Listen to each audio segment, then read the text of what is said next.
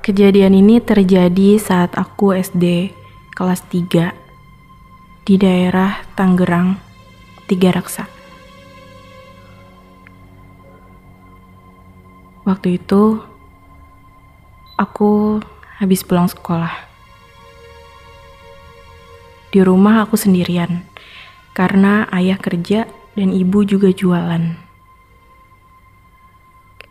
Waktu itu aku pulang sekolah, aku langsung ngelakuin hal-hal tugas-tugas yang ibu aku biasanya kasih. Biasanya kalau habis pulang sekolah, aku isi botol untuk ditaruh di kulkas. Isi air biar dingin. Biasanya di rumah aku itu botolnya ada empat. Tapi entah kenapa hari itu botolnya ada enam. Karena yang di dalam kulkas masih penuh dua. Jadi botol kosong yang di luar kulkas aku buka dan aku isi. Ya aku pikir kalau nanti yang dua ini habis,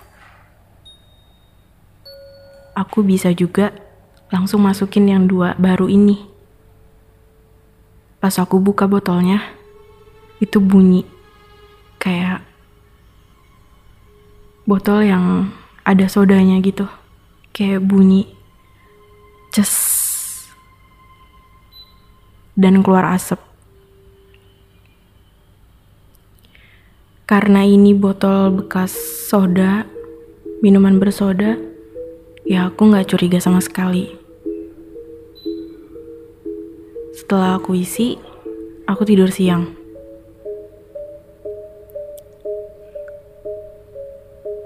Pas aku tidur siang, baru banget mau tidur, tiba-tiba ruang tengah aku yang ada TV-nya itu bunyi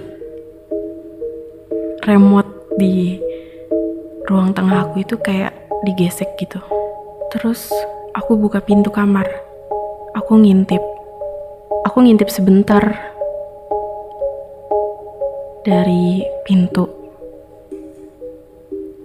Baru aku mau ngeliat, ternyata remote-nya itu melayang. Terus TV aku hidup. Langsung aku buka kan pintunya. TV-nya nyala sendiri. Aku langsung buka pintunya. Terus remote-nya langsung jatuh. Aku cek rumah, gak ada siapa-siapa di rumah. Ya karena memang ibu kerja dan ayah juga kerja. Aku langsung lari lagi masuk ke kamar tidur Pas aku bangun, itu udah maghrib. Ibu sama ayah belum pulang. Pas siang tadi, aku tidur di kamar ibu sama ayah. Abis maghrib, biasanya aku langsung mandi kalau udah bangun tidur. Aku mau ke kamar aku yang di belakang. Mau ambil baju sama anduk. Pas aku buka kamar, aku benar-benar jelas ngeliat di kamar ada 11 orang lagi sholat.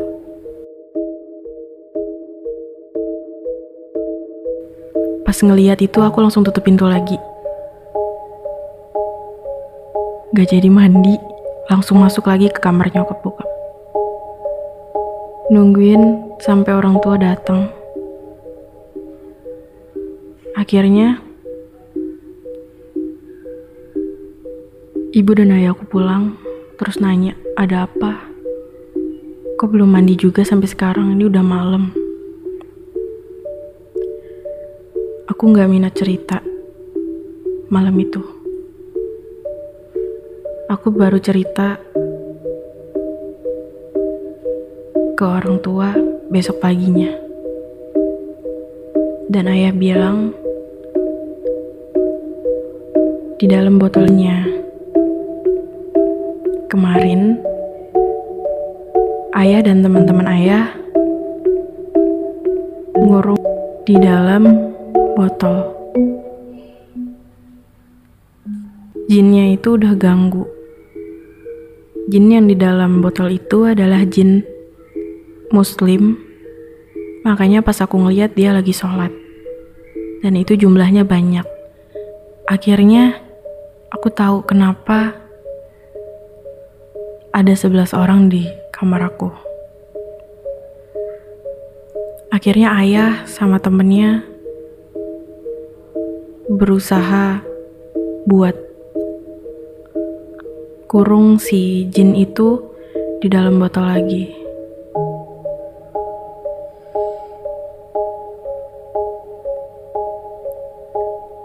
Dari kejadian itu, ayahku langsung ngebuang botol yang udah diisi itu ke laut.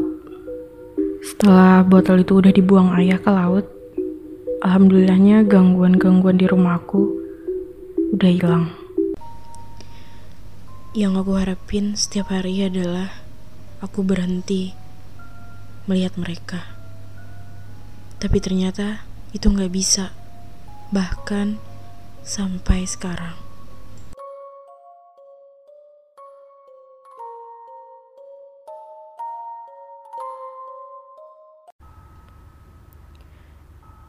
Masih tentang jin muslim yang kemarin aku udah bahas di episode sebelumnya.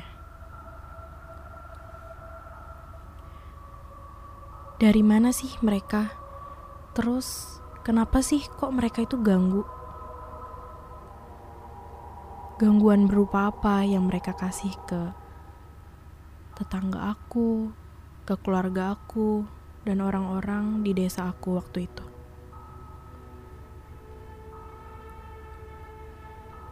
Ada beberapa hal yang tadinya aku gak mau ceritain. Karena aku takut menyinggung orang lain atau ngerasa ah ini bohong. Tapi ternyata sepertinya aku perlu ngasih tahu hal ini kenapa dan ada apa di desa aku.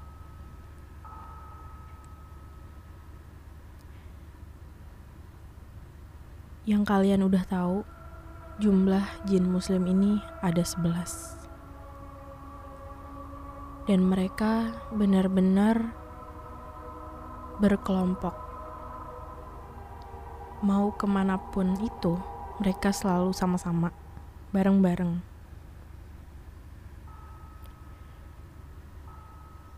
Setelah kejadian aku melihat jin muslim ini ada di kamar, gak lama dari hari itu di desa aku ini di daerah Tangerang yang memang rumahnya uh, masih jarang banget orang yang tinggal di daerah sana belum sepadat sekarang ya.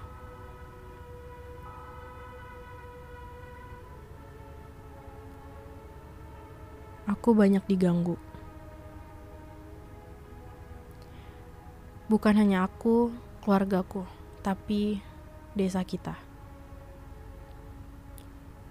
Ada babi ngepet, ada jin, Bahkan ada banyak rumah yang rumahnya itu di setiap sudut rumahnya terdapat rambut yang panjang. Rambut kasar, rontok, rapuh, tebel, dan panjang.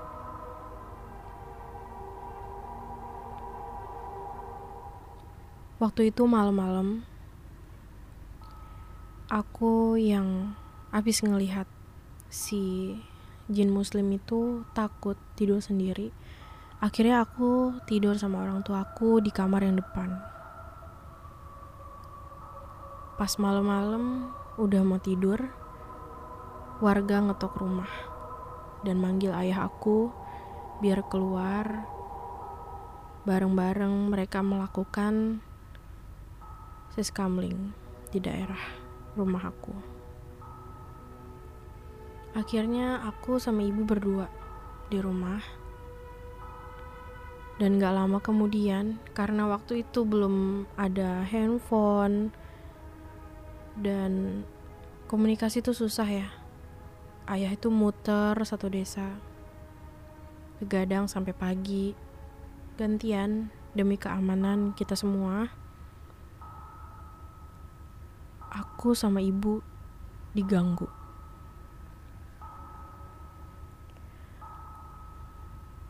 Pas aku tidur, tiba-tiba aku dibangunin sama ibu dan ibu itu ketakutan banget.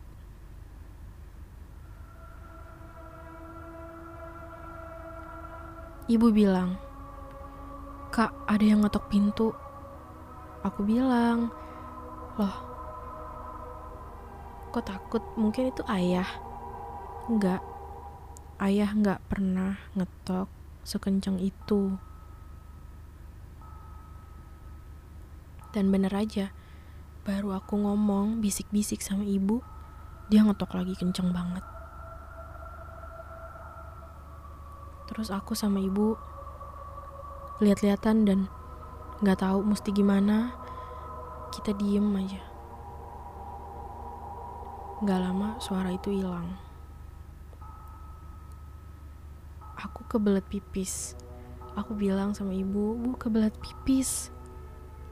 Akhirnya ibu sama aku memberanikan diri untuk ke kamar mandi. Ya udah, berjalan biasa aja. Tapi pas aku keluar kamar mandi sama ibu, kita berdua kaget banget. Kita ngeliat banyak orang di depan, maksudnya di depan kamar mandi. Di rumah aku banyak badannya manusia, tapi kepalanya hewan. Ada yang kepalanya semut, jangkrik, terus kepalanya kelabang, laba-laba, dan itu kepalanya besar-besar banget.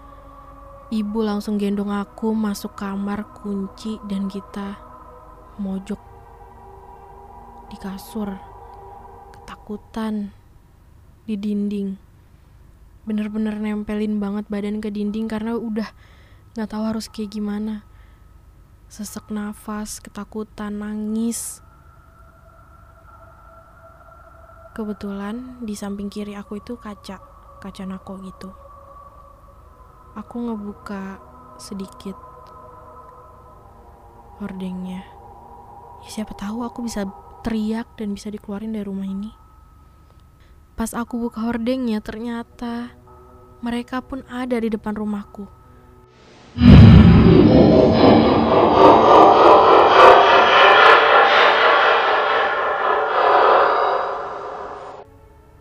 Kayak ngepung gitu loh.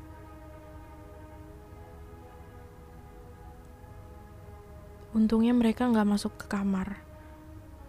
Aku langsung tutup lagi hordengnya. Aku bener-bener nangis. Aku cuman bisa berdoa sama ibu cuma bisa nangis ketakutan dan gak ada ayah di situ entah ayah lagi di mana aku pun gak tahu karena ibu aku juga bisa ngeliat akhirnya Gak lama kemudian, almarhum nenek aku datang.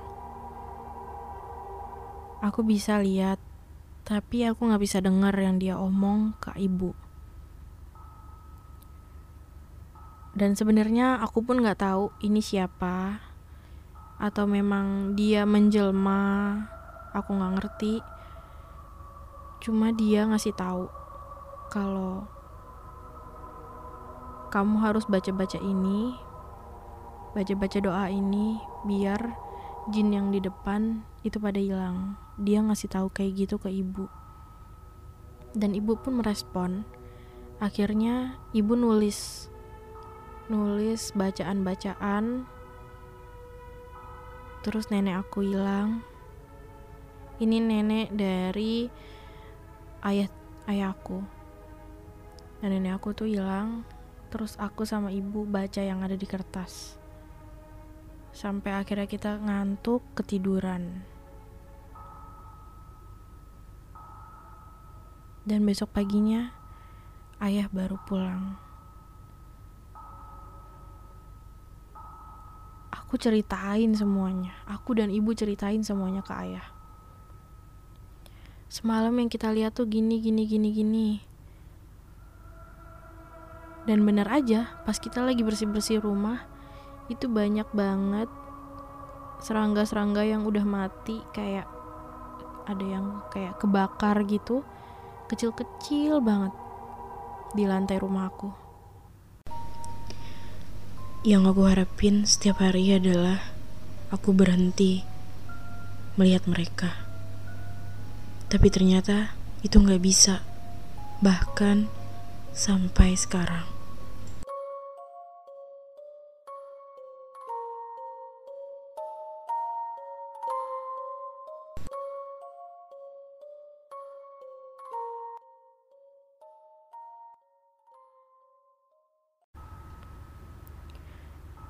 Masih tentang jin muslim Yang kemarin aku udah bahas di episode sebelumnya. Dari mana sih mereka? Terus, kenapa sih kok mereka itu ganggu? Gangguan berupa apa yang mereka kasih ke tetangga aku, ke keluarga aku, dan orang-orang di desa aku waktu itu?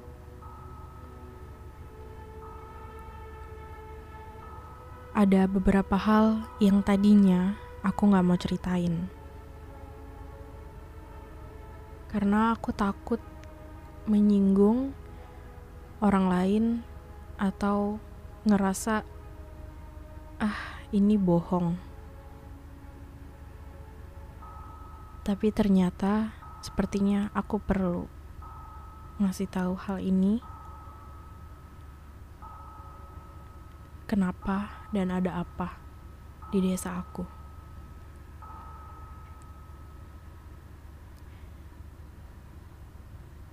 Yang kalian udah tahu, jumlah jin muslim ini ada 11. Dan mereka benar-benar berkelompok. Mau ke mana pun itu, mereka selalu sama-sama, bareng-bareng.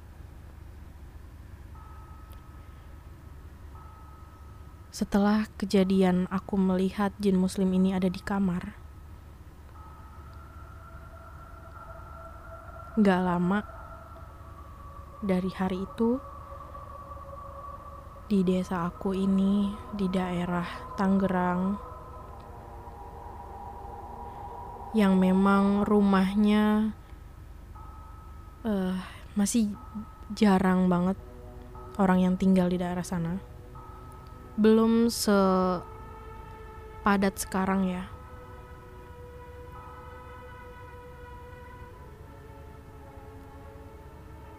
Aku banyak diganggu. Bukan hanya aku, keluargaku, tapi desa kita. Ada babi ngepet, ada jin, Bahkan ada banyak rumah yang rumahnya itu di setiap sudut rumahnya terdapat rambut yang panjang. Rambut kasar, rontok, rapuh, tebel, dan panjang.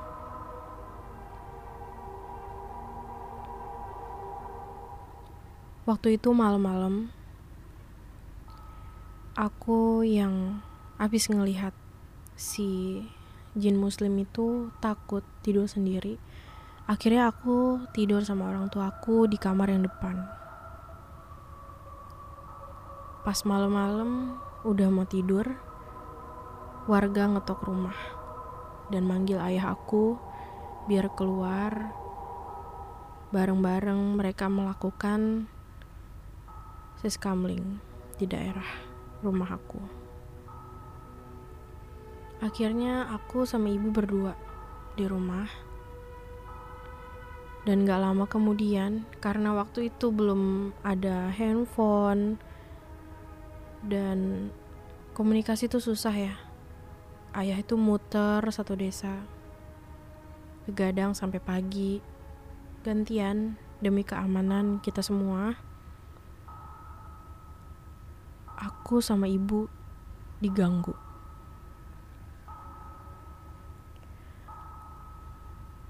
Pas aku tidur, tiba-tiba aku dibangunin sama ibu dan ibu itu ketakutan banget.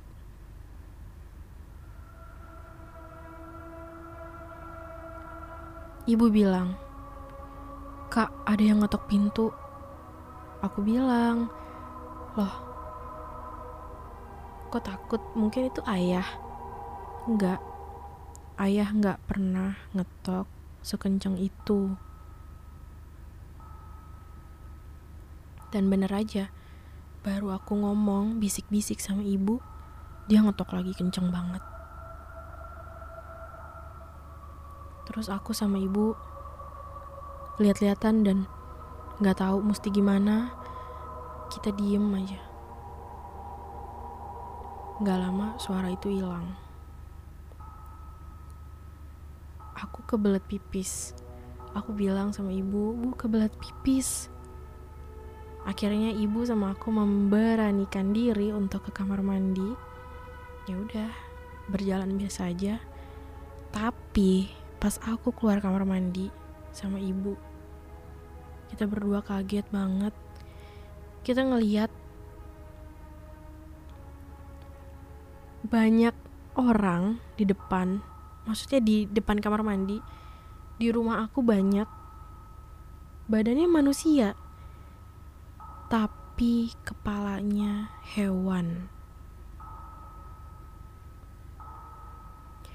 Ada yang kepalanya semut, jangkrik,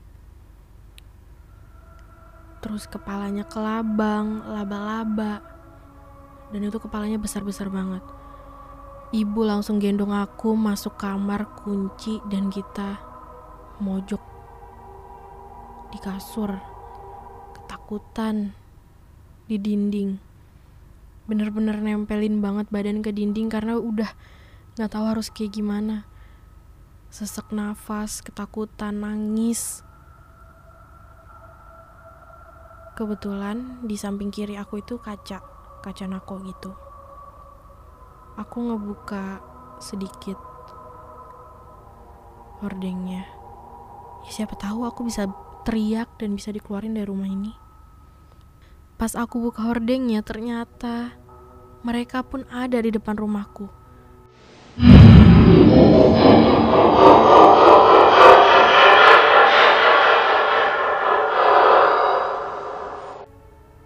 Kayak ngepung gitu loh.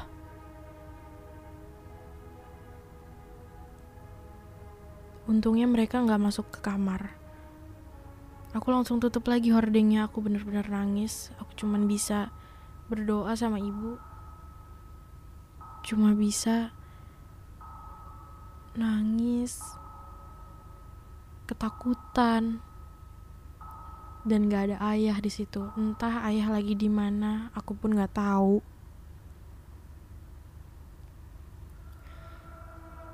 karena ibu aku juga bisa ngeliat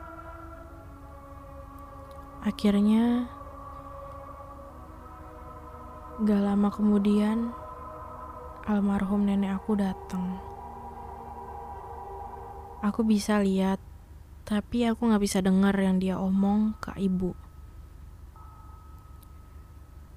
Dan sebenarnya aku pun gak tahu ini siapa, atau memang dia menjelma. Aku gak ngerti. Cuma dia ngasih tahu kalau kamu harus baca-baca ini, baca-baca doa ini biar jin yang di depan itu pada hilang. Dia ngasih tahu kayak gitu ke ibu. Dan ibu pun merespon. Akhirnya ibu nulis nulis bacaan-bacaan terus nenek aku hilang ini nenek dari ayah ayahku dan nenek aku tuh hilang terus aku sama ibu baca yang ada di kertas. Sampai akhirnya kita ngantuk ketiduran. Dan besok paginya ayah baru pulang. Aku ceritain semuanya. Aku dan ibu ceritain semuanya ke ayah semalam yang kita lihat tuh gini gini gini gini. Dan bener aja pas kita lagi bersih bersih rumah itu banyak banget serangga-serangga yang udah mati kayak ada yang kayak kebakar gitu. Kecil-kecil banget di lantai rumah aku. Yang aku harapin setiap hari adalah aku berhenti melihat mereka tapi ternyata itu nggak bisa. Bahkan sampai sekarang.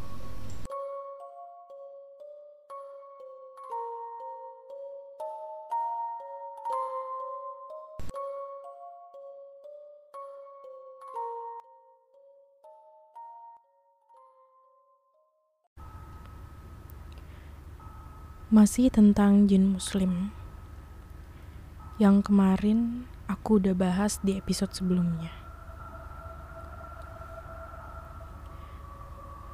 Dari mana sih mereka? Terus, kenapa sih kok mereka itu ganggu? Gangguan berupa apa yang mereka kasih ke tetangga aku, ke keluarga aku, dan orang-orang di desa aku waktu itu?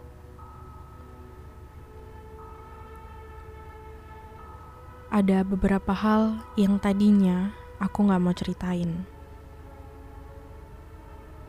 Karena aku takut menyinggung orang lain atau ngerasa ah ini bohong. Tapi ternyata sepertinya aku perlu ngasih tahu hal ini kenapa dan ada apa di desa aku.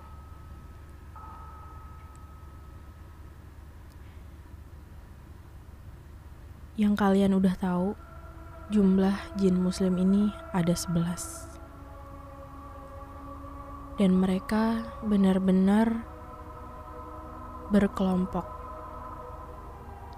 Mau ke mana pun itu, mereka selalu sama-sama, bareng-bareng. Setelah kejadian aku melihat jin muslim ini ada di kamar, gak lama dari hari itu di desa aku ini di daerah Tangerang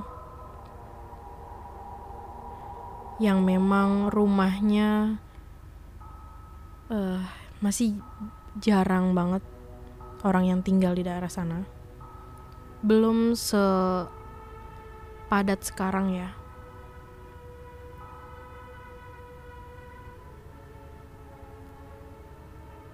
Aku banyak diganggu.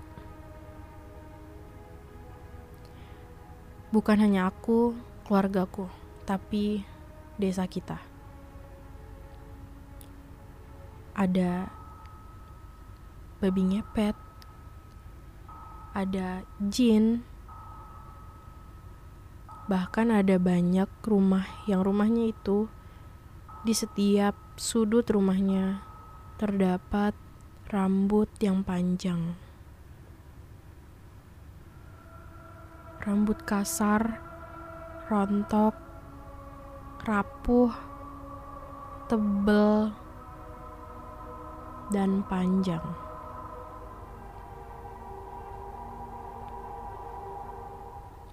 Waktu itu malam-malam, aku yang habis ngelihat si jin muslim itu takut tidur sendiri. Akhirnya aku tidur sama orang tua aku di kamar yang depan. Pas malam-malam udah mau tidur, warga ngetok rumah dan manggil ayah aku biar keluar bareng-bareng mereka melakukan siskamling di daerah rumah aku. Akhirnya aku sama ibu berdua di rumah. Dan gak lama kemudian, karena waktu itu belum ada handphone dan komunikasi itu susah ya.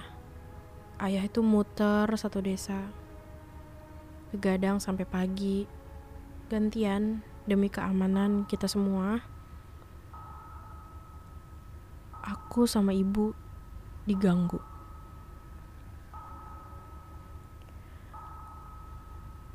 Pas aku tidur, tiba-tiba aku dibangunin sama ibu dan ibu itu ketakutan banget.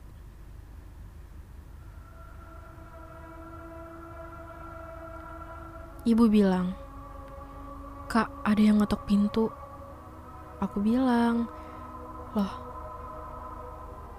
kok takut? Mungkin itu ayah. Enggak. Ayah enggak pernah ngetok sekencang itu. Dan bener aja baru aku ngomong bisik-bisik sama ibu dia ngetok lagi kenceng banget. Terus aku sama ibu lihat-lihatan dan nggak tahu mesti gimana. Kita diem aja Gak lama suara itu hilang. Aku kebelet pipis. Aku bilang sama ibu, bu kebelet pipis. Akhirnya ibu sama aku memberanikan diri untuk ke kamar mandi. Ya udah, berjalan biasa aja. Tapi pas aku keluar kamar mandi sama ibu, kita berdua kaget banget. Kita ngeliat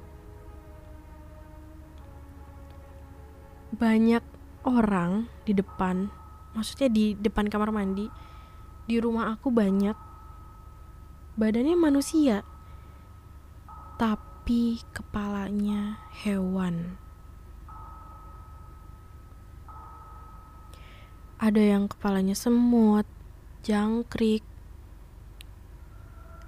terus kepalanya kelabang laba-laba dan itu kepalanya besar-besar banget Ibu langsung gendong aku masuk kamar kunci dan kita mojok di kasur. Ketakutan di dinding.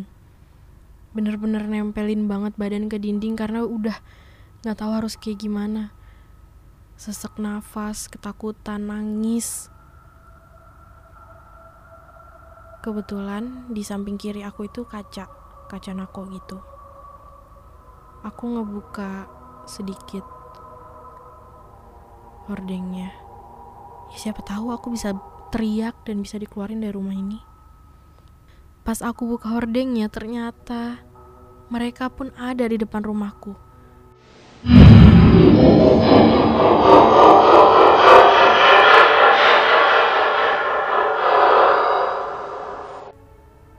Kayak ngepung gitu loh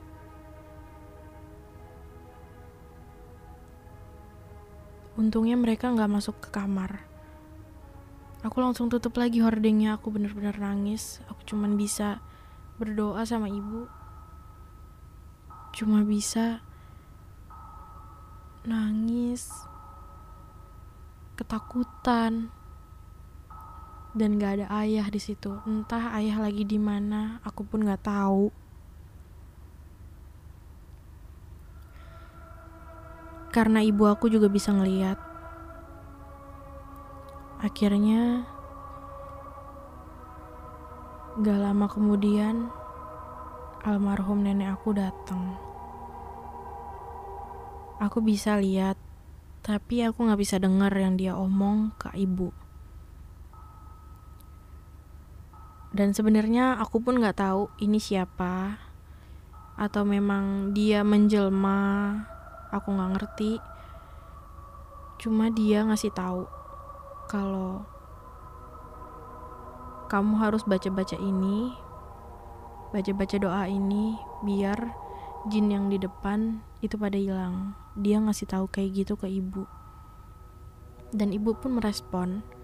Akhirnya ibu nulis nulis bacaan-bacaan. Terus nenek aku hilang ini nenek dari ayah ayahku dan nenek aku tuh hilang terus aku sama ibu baca yang ada di kertas sampai akhirnya kita ngantuk ketiduran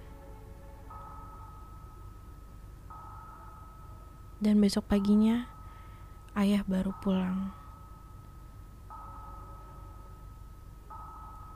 aku ceritain semuanya. Aku dan ibu ceritain semuanya ke ayah. Semalam yang kita lihat tuh gini, gini, gini, gini. Dan benar aja, pas kita lagi bersih-bersih rumah, itu banyak banget serangga-serangga yang udah mati kayak ada yang kayak kebakar gitu kecil-kecil banget di lantai rumah aku yang aku harapin setiap hari adalah aku berhenti melihat mereka. Tapi ternyata itu nggak bisa, bahkan sampai sekarang.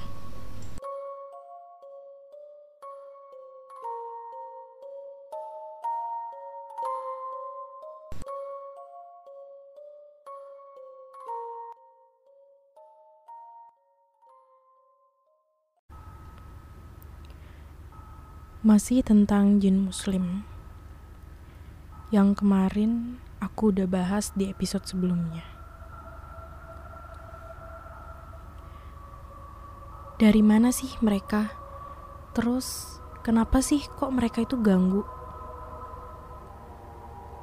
Gangguan berupa apa yang mereka kasih ke tetangga aku, ke keluarga aku, dan orang-orang di desa aku waktu itu?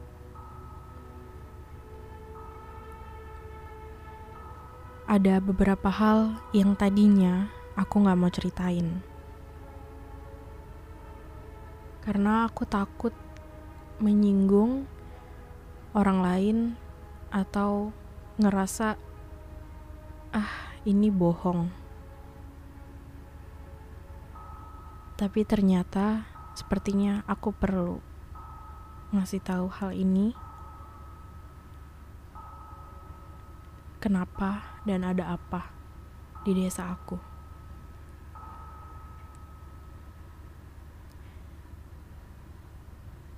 Yang kalian udah tahu, jumlah jin muslim ini ada 11. Dan mereka benar-benar berkelompok. Mau ke mana pun itu, mereka selalu sama-sama, bareng-bareng.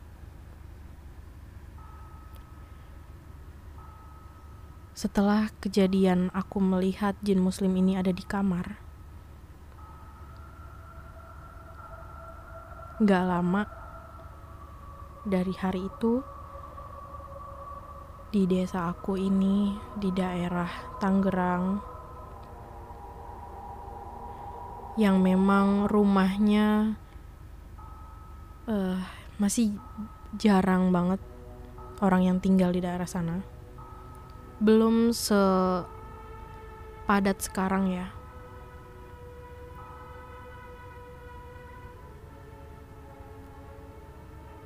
Aku banyak diganggu. Bukan hanya aku, keluargaku, tapi desa kita. Ada babi ngepet, ada jin, Bahkan ada banyak rumah yang rumahnya itu di setiap sudut rumahnya terdapat rambut yang panjang. Rambut kasar, rontok, rapuh, tebel, dan panjang.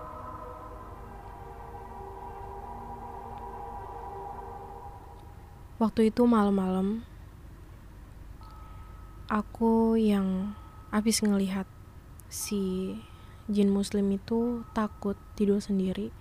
Akhirnya aku tidur sama orang tua aku di kamar yang depan. Pas malam-malam udah mau tidur, warga ngetok rumah dan manggil ayah aku biar keluar bareng-bareng mereka melakukan siskamling di daerah rumah aku. Akhirnya aku sama ibu berdua di rumah. Dan gak lama kemudian, karena waktu itu belum ada handphone dan komunikasi itu susah ya. Ayah itu muter satu desa. Begadang sampai pagi. Gantian demi keamanan kita semua aku sama ibu diganggu.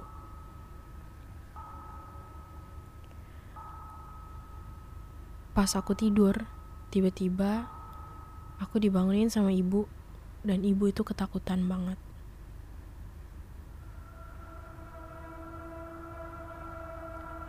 Ibu bilang, "Kak, ada yang ngetok pintu."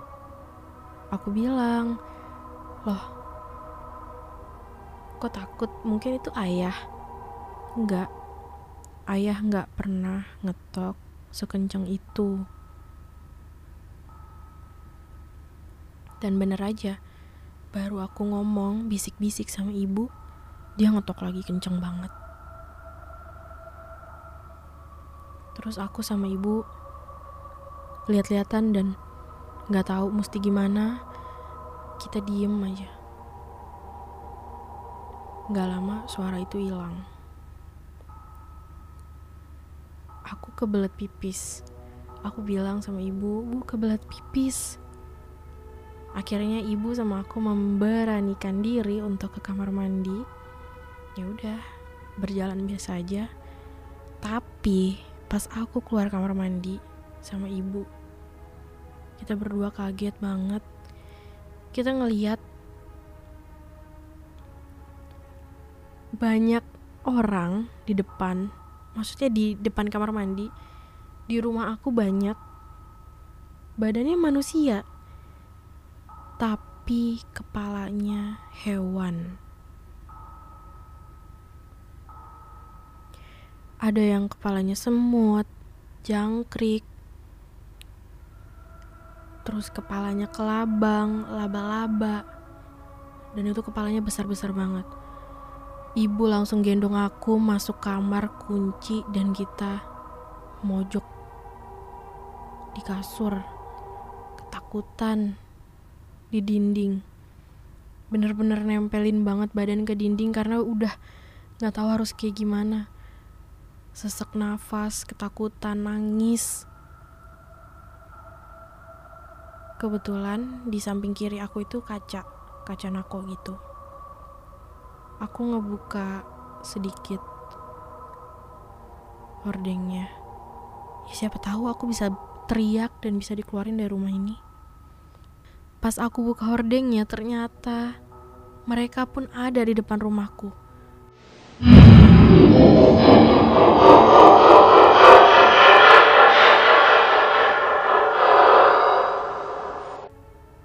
Kayak ngepung gitu loh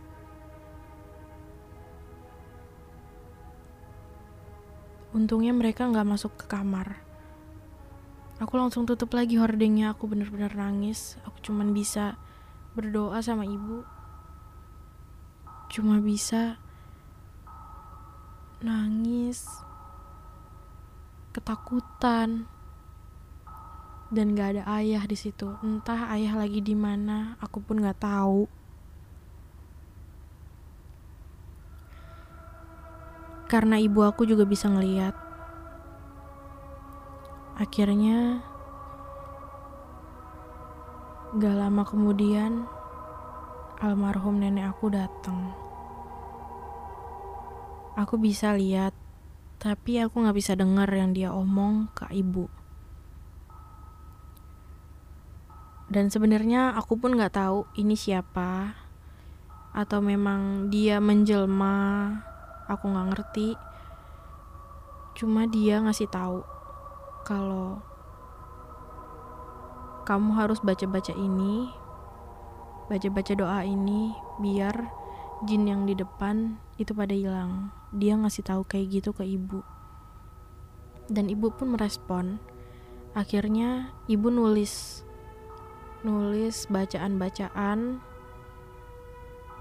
Terus nenek aku hilang ini nenek dari ayah ayahku dan nenek aku tuh hilang terus aku sama ibu baca yang ada di kertas sampai akhirnya kita ngantuk ketiduran dan besok paginya ayah baru pulang aku ceritain semuanya. Aku dan ibu ceritain semuanya ke ayah. Semalam yang kita lihat tuh gini, gini, gini, gini. Dan benar aja, pas kita lagi bersih-bersih rumah, itu banyak banget serangga-serangga yang udah mati kayak ada yang kayak kebakar gitu kecil-kecil banget di lantai rumahku. Yang aku harapin setiap hari adalah aku berhenti melihat mereka. Tapi ternyata itu nggak bisa, bahkan sampai sekarang.